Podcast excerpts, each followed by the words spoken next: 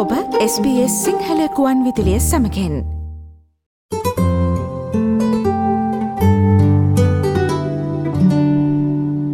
ඔස්ට්‍රේලියාවේ අවම වැටුප පෑකට ඩොල විසියකයි සත තිස් අට දක්වා ඉහළ දමන බව ෆ්‍යාව කොමිසම ඊයේ නිවේදනය කලා. ඒ පිළිබඳ වාර්තාාවන නවතම තොරතුරු දැන් මෙම කාලින විශෂාන්ගෙන් ගෙනීමටයි අපේ සූදානම. ඔස්ට්‍රලියාවේ ඉහළ යන උද්දමනය පීඩනය පෙන්වාදමින් ජාතික අවම වැටුප සියට පහයිදශම දෙකකින් ඉහළ දැමීමට ෆ්‍යාව කොමිසම තීරණය කලා. උද්දමන ඉහළයාම තත්වය තුළ ඔස්ට්‍රලයාාවේ අඩු වැටුප ලබන පුද්ගලයන් විශේෂයෙන් අවධානට ලක් විය හැකි බව දන්නා බැවින් බෙලෙස ඔස්ට්‍රලයාාවේ අවම වැටුප හිලදමීමට තීරණය කළ බව ෆ්‍යාව කොමිසමේ සභහපති යන් රෝස් පැවසවා. We are conscious that the low paid are particularly vulnerable in the context of rising inflation. We have concluded that the changes in the economic context weigh in favour of an increase in the national minimum wage. මෙම වැටුප වැඩවීම සියට පහයිදශම දෙකක් හෙවත් පෑකට අමතර ඩොලරයක් පමණ වනවා. ඒ අදහස් වන්නේ නව වැටුප පෑකට ඩොල විසියකයි සතතිස් අටක් හෝ සතියකට ඩොල අටසිය දොළහක් වනු ඇති බවයි. එය අනුව එය සතියකට ඩොල හතලිහක වැඩවීමක්.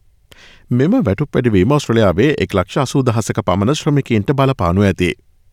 අනිකුත් අවෝජ ශ්‍රණිවල සිටින ශ්‍රමිකන්ගේ වැටුප් සියට හතරයිදිශම හයකින් වැඩිවනු ඇති. මෙම ස්වාධීන තීරණය අගමති ඇන්තනි අල්බනිසි විසින් ප්‍රශංසා සහිතව පිළිගනු ලැබූ අතර අවම වැටුප ලබන්නන් හට වැටුප වැඩවීමක් ලැබිය යුතු බව ඔහු ප්‍රකාශ කලා.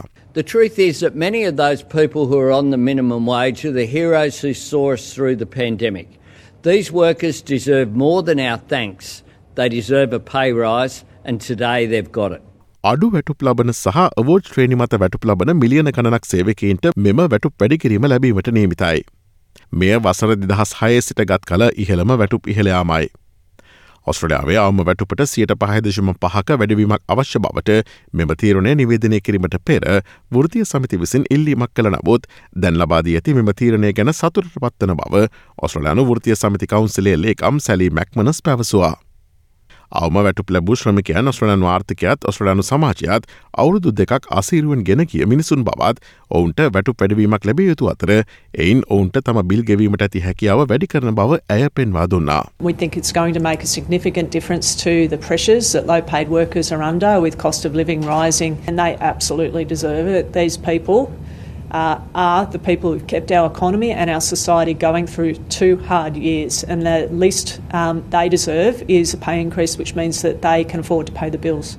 වෘතිය සමිති සාමාන්‍යෙන් මෙම තීරණය පිළිගෙන ඇති අතර දැනටමත් අරගල කරන නවක වෘතිය ආදුනිකයෙන් මෙහිදී නොසලකා හැර ඇති බව සම්බන්ධයෙන් ෆ්‍යාව කොමිසමට චෝදනා එල්ල වී තිබෙනවා. විදුලි වෘතිය සමිතියේ මයිකල් රයිට් පවසන්නේ ඔවුන් තවමත් පෑකට ඩොල දොළහක් වැනි සුළු මුදලක් උපයන බවයි. ආදුනිකින්ගේ වැටුප් තවමත් සාමාන්‍ය පරිදි අවෝඩ් ශ්‍රේණිවල ඇති අවම ගාස්තුවලට සම්බන්ධ කර ඇති අතර මෙම තීරණය ඔවුන්ගේ ජීවන වීදමට මෙතරම් පහරක් වන්නේ එනිසා බව ඔහු පැහැදිලි කලා. Apprentices' wages are still routinely pegged to the minimum rates found in awards. And that's why this decision is such a hammer blow to their cost of living. ගුවන් සේවා සංචාරක සහ හොස්පිටලටි කර්මාන්ත හැරණු විට අනෙක් සියලු ක්ෂේත්‍රවලට මෙම වැටු වැඩිකිරීම එළබෙන ජූලි පළවනදා ආරම්භ වනවා. ගුවන් සේවා සංචාරක සහ හොස්පිටල්ටි සේවකන්ට මේ ලබාදීම ඔක්තෝබර් දක්වා කල් දැමෙනවා. COVID-19 සහ මෑතකාලින කාලගුණික සිදුවීම හේතුවෙන් මෙම අංශවලට විශෂයෙන් දැඩි ලෙස බලපෑම් එල්ලවී ඇති බැවින් යතතත්වයට පත්වීමට වැඩි කාලයක් අවශ්‍ය බව ෆ්‍යාව කොමිසම පවසනවා. එසේවත් ව්‍යාපාරික කණ්ඩායම් තරක කරන්නේ මෙම වැටු පැඩවීම සියලු අංශ හරහා සැලකයුතු හානියක් කළ හැකි බවයි. ඔස්ට්‍රේලියාවේ වාණජ හා කර්මාන්ත මණ්ඩලය සියට තුනක වැඩවීමක් සඳහා බලපෑම් කර ඇති බවත් මෙම තීරණය මගින් බලපෑමට ලක් වූ ව්‍යාපාර සඳහා ඩොල බිලියන හතයිදශම නවයක පිරිවයක් එකතු කරනු ඇතැයි අනතුරුවන්ගවා තිබෙනවා. බලශක්ති පිරිවෑ වැඩවීම සැපයුම්දාම කඩාකප්පල් කිරීම් සහ පෙට්‍රල් මිල ගණන් මගින් එය සංකලනය වී ඇති බව ඔස්ට්‍රලයාාවේ වාණජ සහ කර්මාන්ත මණ්ඩලේ ප්‍රධාන විදායක නිලධාරී ඇන්ඩරු මැක්කෙල පැවසවා. In some cases, uh, they are going to have to look at passing on those costs uh, to consumers. That adds into inflationary uh, pressures. In the worst cases, of course, uh, it could mean that some businesses will have to face the difficult decision to close their doors. විපක්ෂනායක Peter ඩටන්ද මෙම වැටුප් ඉහළදැමීම විවේචනය කරමින් කුඩා ව්‍යාපාර සඳහා මෙම තීරණය කුමක් විය හැකි දැයි සැක පහල කර තිබෙනවා. කම්කරු පක්ෂය කිසිදා කුඩා ව්‍යාපාරවල මිතුරෙකු නොවූ බවට ඔහු චෝදනා කරනවා. And the Labor Party's never been a friend of small business. uh, their industrial relations arrangements, uh, the taxation arrangements. Uh, Labor always tax and spend. That's who they are.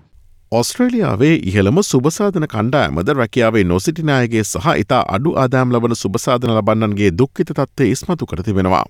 ඇතැම් පුද්ගලයන් දිනකට ඩොල හතලිස් හයක් වැනි සුළු මුදලකින් ජීවත්වන බව ඔස්ට්‍රලයනු සමාජ සේවා කවන්සලේ වැඩබලන ප්‍රධාන විදාහක නිල්ධහරි එඩ්විනා මැක්ඩොනල් පැවසවා. People who are already struggling just to meet the basics are, are going backwards and are having to make choices that no one should have to make choices between food and medicine, uh, between heating and clothes for their kids. පස්සුගේ වසරේ තීරණය කරන විට ගෘහස්ත උද්ධමනය මනින පාරිභෝගික මිලදර්ශකය සියට එකයිදශම එකක් වූ අතර එය දැන් සියට පහයිදශම එකක් දක්වා ඉහළ ගොස් තිබෙනවා. ඒවගේම එය වැඩිවෙන්න ඉඩ තියෙනවා. මේ අතර නත්තල වන විට උද්ධමනය සියට හතකට ළඟාවිය හැකි බව ඔස්ට්‍රලයානු සංචිත බැංකු අධිපති ෆිලිප් ලෝ් දැන් පිළිගන්නවා. That's a very high number, and we need to be able to chart a course back to 2 to 3% inflation. I'm confident that we can do that, but it's going to take time. ඔස්ට්‍රලයාාවේ අලුත්ම තොරතුරු SBS Sinhala සේවේ විසින් දෛනිකව ගෙනන කාලීන තොරතුරු ගොන්විදිලි විශේෂාන්ගෙන් සජීවිව අපි ඔබ වෙත ගෙනෙනවා. මේට පසුව සවන් දෙන්න SBS.com.tu ෆෝඩ්/ සිංහල යන අපගේ වෙබ්බඩවියේ ඉහළ තීරුව ඇති මාතෘකායන කොටස කලික් කොට කාලින ලෙස නම් කොට ඇති වෙබ් පිටුවට පිවිසන්න.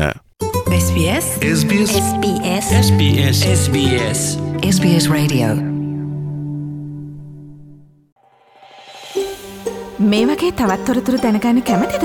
එහෙමනම් Apple podcast Google podcast Spotify ඔබගේ පොඩ්කාස්ට ලබාගන්න ඕනේම මාතයකින් අපට සවන්දය හැකේ.